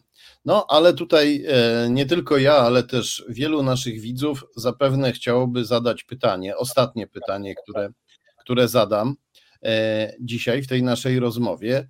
E, społecz, udział społeczników na pewno na początku przynajmniej w ruchu Szymona Hołowni był, był ogromny. To wzbudziło duże nadzieje. Ja też miałem różne nadzieje związane z, z, z tym ugrupowaniem, no ale teraz pojawił się problem polegający na tym, że no, Szymon Hołownia e, e, nie, e, nie zechciał współpracować z główną partią opozycji, Platformą Obywatelską, nie chciał z nią, może powiedzmy, stworzyć koalicji wyborczej. I to rozbicie opozycji, które wynikło z tego, że Szymon Hołownia i e, Władysław Kosiniak-Kamysz utworzyli swoją małą koalicję na boku, no to powoduje, że opozycja idzie do wyborów już nie w, w dwóch, a w trzech blokach, opozycja demokratyczna. Zdaniem większości ekspertów to zwiększa szanse wyborcze PiS ze względu na ordynację, a nawet jeśli zostawić ordynację na boku, to z punktu widzenia nawet nie marketingu politycznego, ale takiej najprostszej komunikacji politycznej, to jest w mojej i nie tylko mojej ocenie no potężny błąd, ponieważ e, ludzie widząc takie rozbicie, mówią sobie, no ten PiS to chyba nie jest taki zły. Jeśli opozycja się kłóci między sobą, zamiast się zjednoczyć przeciwko PiSowi. Tymczasem pan w tym lesie na granicy widział dobrze, jaki PiS jest zły. E, widział pan, że tam ludzie z powodu polityki PiS umierają. I e, ja tutaj z tego powodu no nie rozumiem, dlaczego pan e, jako wiceszef partii Hołowni, no popiera pan to rozbicie, rozbicie opozycji, które w mojej i nie tylko mojej ocenie zwiększa szansę PiS na trzecią kadencję. Nie, nie, nie będzie żadnego rozbicia. To jest ogromna szansa na to, żeby odsunąć PiS od władzy i zrobić to skutecznie. Sam jestem kandydatem Paktu Senackiego do Senatu w okręgu e, białostockim, e, popieranym i przez Polskę 2050 PSL, Platformę Obywatelską, Lewicę i Ruch Samorządowy, tak e, dla Polski. Tutaj współpracujemy na tym obszarze i przy okręgach jednomandatowych naprawdę ma to rację bytu i zdaje egzamin i wierzę, że akurat ten okręg uda się PiSowi, mówię o senackim okręgu, odbić. Natomiast z perspektywy całości, także dzisiejsze sondaże, które pokazują i wzrost dla Koalicji Obywatelskiej, ale i wzrost dla nas do 13% pokazuje, że razem w, w, dwóch obozach idąc mamy szansę odsunąć skutecznie PiS i to jest dobra droga. I to też pokazują rozmowy z ludźmi, którzy jednak po tym, tym marszu na ulicy, jak się spotykamy, czy mm, w ostatnich dniach szczególnie, właśnie fajnie się dzielą na tych, którzy mówią, że zagłosują na koalicję, a na tych, którzy mówią, Mm, że szukali jednak innego rozwiązania, że znajdą na trzecią drogę. To jest kluczowe w tym wszystkim, że na koniec złożymy wspólny y, rząd i będziemy po 15 października mieli realny wpływ na to, co się dzieje w kraju. I naprawdę to jest taki moment, który na pewno pokaże ostateczne rozstrzygnięcie, bo też w tych rozmowach możemy rozmawiać i o ekspertach, o politykach. Te głosy w tym zakresie są podzielone, ale to, co jest najważniejsze, że przy okazji marszu miliona e, serc e, doszło do takiego jasnego sygnału i fajnego wytłumaczenia również przez premiera Donalda Tuska, że idą i w Warszawie, bo też nasi zwolennicy szli, ale też trzyma kciuki za te rozmowy w terenach i tysiąc spotkań, które było robione. Razem zbierzmy wszystkich, zarówno tych, którzy są w tej polaryzacji jasno określeni, że chcą iść przeciwko PiSowi za platformą, ale również trzeba przekonywać tych nieprzekonanych, którzy z różnych powodów na platformę nie chcą głosować, ale jednak znajdą przestrzeń po stronie opozycyjnej. Ja głęboko wierzę w to, a jak pan zwrócił uwagę, byłem również w Platformie Obywatelskiej. Dwa lata odpocząłem, jestem po powrocie do polityki w Polsce 2050, głęboko wierzę, że właśnie w ten sposób przekonamy większość ludzi, szczególnie tych, którzy do wyborów do tej pory e, nie chodzili, i odsuniemy skutecznie PiS od władzy, a wspominana granica wtedy będzie mogła zakończyć swój taki bardzo bolesny e, charakter. E, cóż, bardzo bym chciał, żeby pan miał rację. Obawiam się, że mam rację ja, ale chciałbym, żeby to pan miał pod tym względem rację. Bardzo e, dziękuję za. E, zgadzam, zgadzam, się z panem pod tym względem, że chciałbym również mieć w tym rację, natomiast pewnie się przekonamy najbardziej 15 października. Ja głęboko wierzę, że damy radę wspólnie. Dziękuję bardzo i do zobaczenia. Dziękuję serdecznie. Pozdrawiam serdecznie. Ja również pozdrawiam serdecznie. Cóż, e, mm, myślę, że mm, nie będę e, tutaj komentować. Pozostawiam e, Państwu ocenę tej rozmowy. Powiem tylko, że ja szczerze wierzę po tej rozmowie w dobrą wolę i wiarę mojego rozmówcy, natomiast obawiam się, że patrzy na świat przez e, bardzo różowe okulary, co bywa często siłą, ogromną siłą, ale co bywa też e, problemem. A my przechodzimy do ostatniego już dzisiaj bohatera naszego wieczoru, zupełnie innego e, bohatera. Proszę Państwa, to jest tweet ministra cyfryzacji Janusza Cieszyńskiego, który tak się właśnie odnosi do Marszu Miliona Serc. E, pisze na Twitterze, że e, za Tuska tysiące ludzi wyszło maszerować ulicami Warszawy, a władza e, Platformy Obywatelskiej kopała ich w twarz. A kiedy rządzi rząd PiS, to każdy może maszerować po stolicy. Wróci Tusk, skończy się wolność słowa i wolność zgromadzeń, mówi Janusz Cieszyński. E, no, e, proszę Państwa, ja wiem, jak wygląda wolność słowa za PiS. E, wiem, że skazano mnie za książkę o Mateuszu Morawieckim, za tę książkę. Skazano mnie na 8 miesięcy zamiatania ulic w procesie, w którym nie mogłem się bronić, bo przewód sądowy odbywał się bez mojego udziału i wiedzy. E, miałem też 20 innych procesów, 11 e, już wygrałem. Wiem, jak jest, e, więc wiem, jak się próbuje kneblować i zastraszać ludzi, którzy ośmielają się mówić prawdę. Jak wygląda wolność zgromadzeń, też widzieliśmy. Widzieliśmy antyterrorystów, właściwie zbirów widzieliśmy, którzy bili kobiety metalowymi pałkami.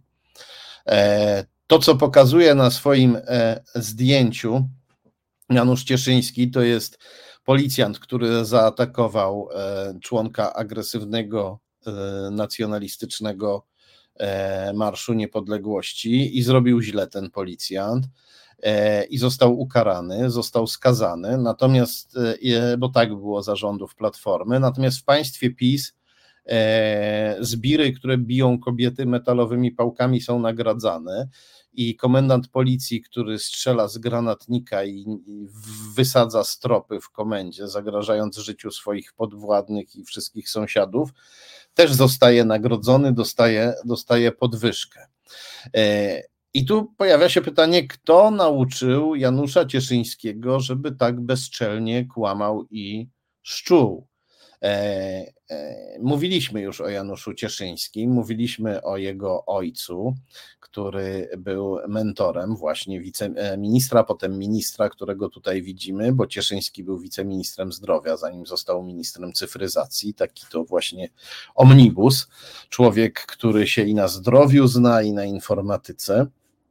E, mówiliśmy o współpracy jego ojca z konfidentem e, wywiadu PRL, mówiliśmy o innych powiązaniach prowadzących do, do Rosji. E, mówiliśmy o tych powiązaniach ojca Janusza Cieszyńskiego, ale teraz e, zajmiemy się powiązaniami samego Janusza Cieszyńskiego. Przypomnijmy przede wszystkim aferę respiratorową. Proszę Państwa, z czasów, kiedy wszyscy umieraliśmy ze strachu podczas pandemii i kiedy respiratory e, były bardzo potrzebne, Janusz Cieszyński podpisał kontrakt z Andrzejem Izdebskim, prezesem e, spółki E&K, to chyba, czy E&K, to trzeba tak czytać z Lublina, na zakup 1241 respiratorów za kwotę 45 milionów euro, wtedy to było 200 milionów złotych Pan Izdebski dostał 35 milionów euro zaliczki natychmiast, czyli jakieś 160 milionów złotych. Pan Izdebski nie był dostawcą sprzętu medycznego. Pan Izdebski to były konfident komunistycznej służby bezpieczeństwa i handlarz bronią z czarnej listy e, ONZ. E, poproszę o następny skan. I tak się składa, że jak pisał Newsweek, jak wcześniej informował TVN, e, Pan e, Izdebski e, był e, na przykład zgodził się dostarczyć broni do kremlowskich zielonych ludzików, którzy napadali, którzy mordowali Ukraińców w Donbasie. I TVN podał też, że Izdebski współpracował ze słynnym handlarzem bronią Wiktorem Butem, handlarzem rosyjskim. Poproszę o kolejny skan. Tak właśnie wygląda Wiktor But, e, rosyjski handlarz bronią, aresztowany w Tajlandii, dostał się do amerykańskiego więzienia. E, robiono o nim filmy, a potem wyszedł, ponieważ Amerykanie wymienili go za e, sportsmenkę aresztowaną w Rosji. Rosjanom bardzo zależało na, to, żeby, na tym, żeby odzyskać Wiktora Buta. Co dokładnie łączy Andrzeja Izdebskiego z Wiktorem Butem? Tu widzimy kolejny fragment artykułu Newsweeka na ten temat. Otóż w słowackich rejestrach biznesowych Izdebski figuruje jako wspólnik w firmie Joy Slovakia która według słowackich mediów prowadziła nielegalny handel bronią. Obok Izdebskiego wspólnikiem w tej spółce jest Aleksandr Isłamow z Rosji, to wieloletni współpracownik Wiktora Buta. I gdy dziennikarze TVN wytknęli Izdebskiemu współpracę z kolegą Buta, Izdebski zaczął twierdzić, że to nieprawda, że wpisy w słowackim rejestrze biznesowym zostały sfałszowane. Poproszę o kolejny skan. E, tutaj mamy jeszcze jeden fragment artykułu Newsweeka, gdzie czytamy, że But to wieloletni, e, doświadczony współpracownik kremlowskiego wywiadu wojskowego GRU. Uważają tak e, najlepsi eksperci, w tym Mark Galeotti z think tanku Europejska Rada Spraw Zagranicznych. Mark Galeotti dokładnie zanalizował karierę Buta, którego wcześniej podejrzewano o związki z KGB i FSB, czyli z cywilnymi służbami specjalnymi Kremla. Według Galeottiego But e, to e, współpracownik GRU i Galeotti podał e, dowody na to wskazujące. O tej sprawie też jest mowa w książce Macierewicz i jego tajemnice. Poproszę o kolejny skan. A tutaj przechodzimy do spraw rodzinnych. E, ale nie do końca rodzinnych, bo także biznesowych. Zresztą, no, e, ja bardzo długo broniłem się przed tym, żeby mówić o rodzinnych powiązaniach e, pisowców, kierownictwa PiS, no ale to się w pewnym momencie okazuje niemożliwe, bo przemilczając ich rodzinne powiązania, przemilczelibyśmy bardzo ważny fragment rzeczywistości. PiS jest mafią, a mafia, jak wiadomo, bardzo często buduje swoje struktury w oparciu o więzi rodzinne. I no nie da się bardzo często mówić o mafii, nie mówiąc o więziach e, rodzinnych. I nie słyszałem, żeby e, ktoś protestował przeciwko analizowaniu więzi rodzinnych w przypadku mafii, a nie, przepraszam, słyszałem, bo proszę Państwa, w latach 90., gdy mieszkałem w Mediolanie, byłem tłumaczem sądowym i często przebywałem w Mediolańskim Pałacu Sprawiedliwości na salach sądowych i e, tam e, zdarzało mi się, że przysłuchiwałem się procesom mafii. To członkowie mafii, bosowie mafii, oni tak protestowali i twierdzili, że analiza ich mafijnych powiązań, którą przeprowadził na przykład prokurator albo policjant, to jest włażenie z butami w ich święte życie e, rodzinne. No ale sędziowie jakoś nie przyjmowali tych argumentów do wiadomości. Wracamy więc do rodzinnych, rodzinno-biznesowych powiązań naszego ministra. Po lewej widzimy ministra, a po prawej widzimy panią Beatę e, Cieszyńską. To jest jej zdjęcie profilowe na Facebooku. Co tych dwoje łączy? No, wszyscy wiemy, że e, minister Cieszyński jest e, mężem prawicowej działaczki Wandy Bóg. No może nie wszyscy wiemy, ale wielu z nas wie, bo prasa o tym szeroko pisała. Ale tak się składa, że przed Wandą Bóg minister Cieszyński miał inną żonę, to jest właśnie pani Beata. Informatorzy mówią, że poznali się jeszcze w liceum, że to była wielka miłość, która trwała wiele, wiele lat. Pani Beata jest prawniczką. No i e, e, oni się najwyraźniej rozwiedli, skoro minister e, Cieszyński poślubił Wandę, Wandę Bóg. Ale w księgach wieczystych, poproszę o kolejny skan, w księgach wieczystych odnajdujemy lokal w Warszawie przy ulicy e, Cybernetyki, e, w którym e, Janusz Cieszyński i pani Beata Cieszyńska są współwłaścicielami tego, tego lokalu. Poproszę o kolejny skan. I w księdze wieczystej czytamy, że oni nadal posiadają ten lokal na zasadzie wspólności ustawowej, majątkowej, małżeńskiej. No, e, proszę Państwa, w księgach wieczystych rzeczy czasem są odnotowywane z pewnym opóźnieniem. To trochę trwa, zanim coś zostanie wpisane do księgi wieczystej. Potem, pewnie, zanim to jeszcze trafi do elektronicznych ksiąg wieczystych, to też mija trochę czasu. Więc być może oni e, w tej wspólności majątkowej, małżeńskiej już nie mają, no ale to by znaczyło, że ten rozwód dokonał się ostatecznie, w każdym razie podział majątku dokonał się ostatecznie no jakiś rok temu, góra dwa lata temu, no ale raczej rok niż dwa lata, no No, raczej, no raczej rok może trwać wpisanie czegoś do ksiąg wieczystych, dwa lata to już byłoby bardzo długo. E, więc oni tutaj e, najwyraźniej, więc oni tutaj najwyraźniej do jeszcze bardzo niedawno byli ze sobą mocno związani tym mieszkaniem. I co jeszcze wiemy o tym mieszkaniu, o tym lokalu? Poproszę o kolejny. A już mamy kolejny skan. To jest mieszkanie, w którym mieści się firma pod nazwą 4 pros albo 4 pros, bo tak to trzeba e, czytać chyba z angielska. I e, adres e, tej firmy jest publicznie dostępny w Krajowym Rejestrze Sądowym, więc ja go tutaj też pokazuję. Przy cybernety, cybernetyki 7D, e, w budynku cybernetyki 7D mieści się ta, fur, e, ta firma ForPros. No i co to jest za firma, która u państwa cieszyńskich, czy też u byłych państwa cieszyńskich działa w mieszkaniu? Poproszę o kolejny skan. No, to jest firma, w której było dwóch wspólników. E, nie, przepraszam, tak, w której był najpierw jeden wspólnik, jak widzimy na dole Janusz Cieszyński, wspólnik i prezes tej spółki, nasz e, minister właśnie. Był pan Piotr Gałka, o którym trudno się czegoś bliżej dowiedzieć. On wszedł później jako wspólnik do tej firmy. No i e, potem w pewnym momencie Janusz Cieszyński e, opuścił tę spółkę, a jego e, żona, względnie była żona, Beata Cieszyńska, weszła na jego miejsce. Czyli jakby przejęła jego udziały. Czy to się odbyło w ramach rozwodu, w ramach podziału majątku? Nie wiemy. To się wydarzyło w maju 2018 roku, czyli wtedy można uznać, rozstanie państwa cieszyńskich zaczęło przybierać bardziej definitywny kształt.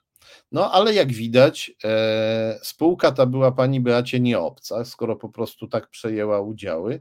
No, jak widać, łączą e, pana Cieszyńskiego z panią e, Cieszyńską więzi, nie, łączy ich więź nie tylko małżeńska, ale także stosunki biznesowe. No, on jej przekazał swoje udziały w firmie. I tak się składa, że pani Cieszyńska działała w jeszcze innej firmie. Widzimy ją tutaj. E, znowu widzimy fragment e, strony z e, serwisu rejestr IO opartego na Krajowym Rejestrze Sądowym.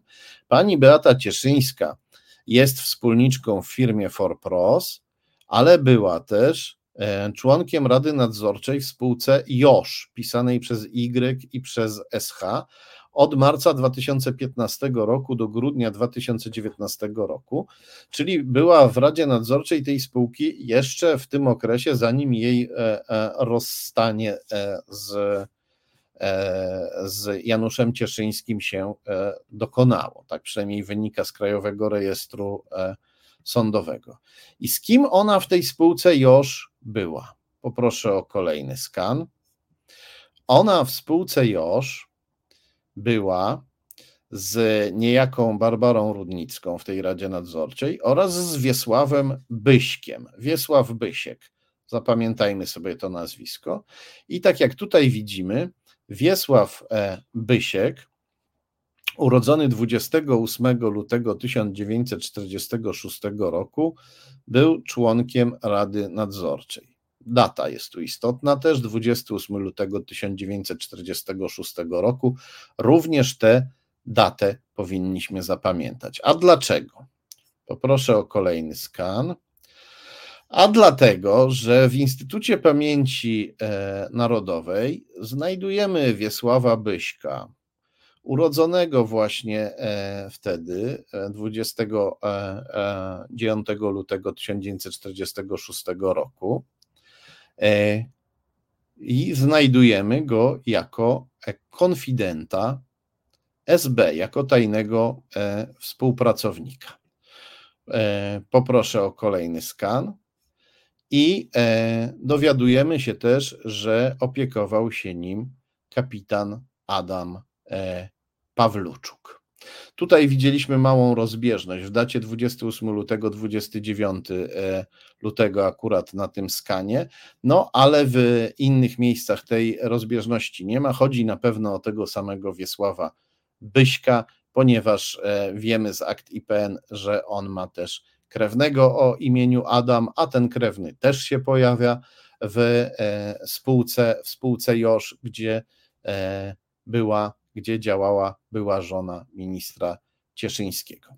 To, co, to, o czym mówimy teraz, to, że e, e, zajmował się Byśkiem kapitan Adam Pawluczuk, interesuje nas, dlatego że, poproszę o kolejny skan, Adam Pawluczuk, no nie był tam sobie byle jakim esbekiem, e, między innymi koordynował pracę na rzecz Departamentu I MSW, czyli koordynował pracę na rzecz wywiadu, wywiadu e, zagranicznego PRL, e, wywiadu, który był wtedy, jak zresztą w większości wypadków, e, wywiad jest elitarną służbą i wtedy też był traktowany jak służba elitarna.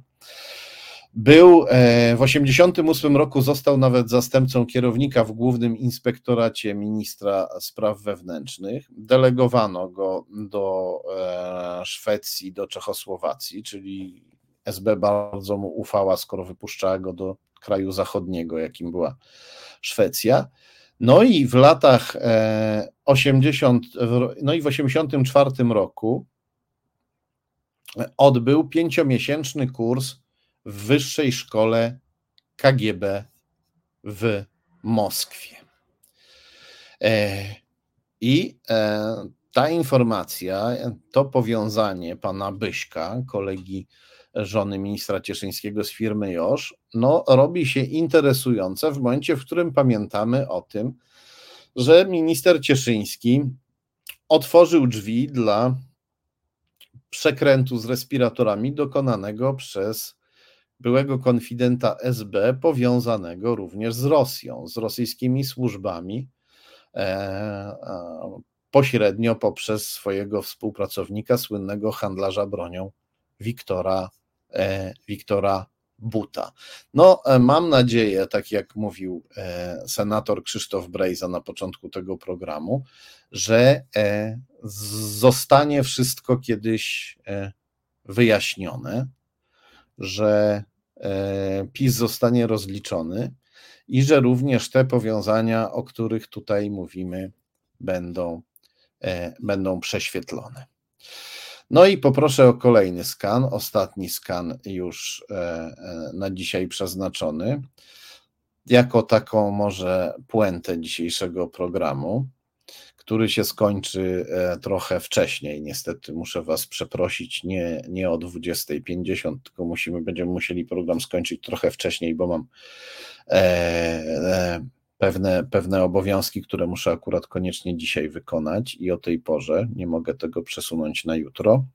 To są sprawy, sprawy osobiste. No ale zanim się z Wami pożegnam, to chcę Wam jeszcze, e, chcę Wam jeszcze tutaj zwrócić uwagę na taką niezwykłą okoliczność. Chociaż w sumie, biorąc pod uwagę wszystko, co wiemy, może ona nie jest aż tak zaskakująca, ale nadal jest rażąca.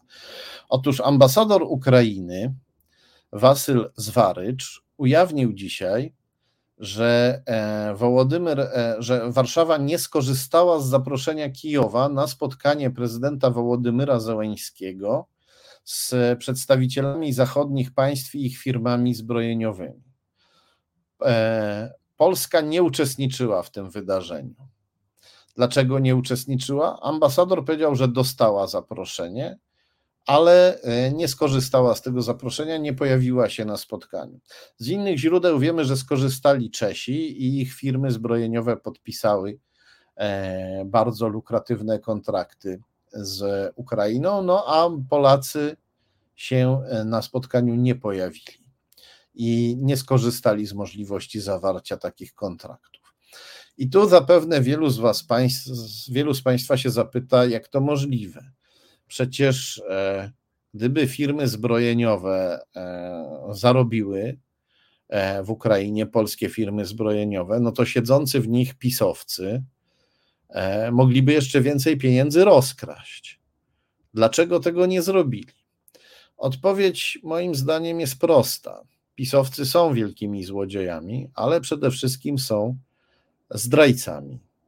I chcieli lub e, ze względu na swoją rolę i wynikające z niej uwarunkowania, musieli zrezygnować z tej kasy. Woleli zrezygnować z tej kasy, byle tylko nie pomóc Ukrainie, byle tylko kontynuować politykę wbijania jej noża e, w plecy. E, I jeśli ktoś wam będzie mówić, że pisowcy to złodzieje, że to przede wszystkim złodzieje, to są głupcy, którzy myślą tylko o kasie, to trzeba im pokazać ten przykład i powiedzieć: Nie, tam gdzie chodzi, tam gdzie można pomóc Kremlowi, to pisowcy są gotowi lub muszą ze względu na jakieś swoje uwarunkowania, uwikłania, to pisowcy wtedy wolą stracić kasę, a pomóc Kremlowi. Pisowcy nie są tylko złodziejami, są przede wszystkim zdrajcami, a potem złodziejami. Jeśli ktoś wam będzie mówił, że e, zerwanie z Ukrainą to tylko taka taktyka wyborcza, e, po to, żeby pozyskać wyborców Konfederacji, a po wyborach PiS wróci, znowu zacznie pomagać Ukrainie. Jeśli ktoś wam zacznie takie rzeczy mówić, a niestety mówią nam takie rzeczy i to nieraz politycy opozycji, którzy walczą z PiS, to w tej sprawie nagle stają się adwokatami PiSu i zaczynają ich tłumaczyć, zaczynają ich bronić przed zarzutem zdrady, opowiadając, sprzedając nam taką wersję, że to tylko taktyka wyborcza. No to wtedy, kiedy ktoś wam takie rzeczy mówi, to trzeba również tę informację, którą tu widzicie, takiemu rozmówcy pokazać i powiedzieć: patrz, gdyby oni byli tylko złodziejami, gdyby chodziło tylko o taktykę przedwyborczą, to po cichu podpisaliby te umowy, a pochwaliliby się dopiero po wyborach. Ale najwyraźniej oni nie chcą pomóc Ukrainie, nawet jeśli mogą na tym zarobić. Najwyraźniej wbijanie Ukrainie, w noża, wbijanie Ukrainie noża w plecy jest dla nich najważniejsze. Ważniejsze niż wszystko inne. Kochani, to tyle na dziś. E, za 22 minuty prawoteka. Ja się z Wami e, żegnam, ale widzimy się za tydzień. Bardzo dziękuję Izie, która nas e, tutaj dzielnie realizowała. Bardzo dziękuję Marianowi Balcerkowi, który jest naszym dzisiejszym sponsorem. E, przypominam, nie mamy sponsorów państwowych, nie mamy sponsorów komercyjnych, mamy tylko Was, sponsorów obywatelskich, dlatego gorąco, gorąco dziękuję za każdą złotówkę, którą nam E, płacicie. I szczególnie gorąco dziękuję tym, którzy nas wspierają w serwisie Patronite, bo tam można zrobić stałe zlecenie wpłaty, a kilka złotych e, co miesiąc to więcej niż jedna duża suma jednorazowo. Bardzo gorąco dziękuję za łapki. Przypominam o łapkach. Każda łapka zwiększa widoczność transmisji. Dziękuję wszystkim, którzy udostępniają. Dziękuję wszystkim, którzy wysyłają link do tej transmisji e, znajomym. Bardzo e, gorąco Was pozdrawiam. A jeszcze dziękuję Oldze za kubek. Bardzo gorąco Was pozdrawiam. E, widzimy się za tydzień. Do zobaczenia.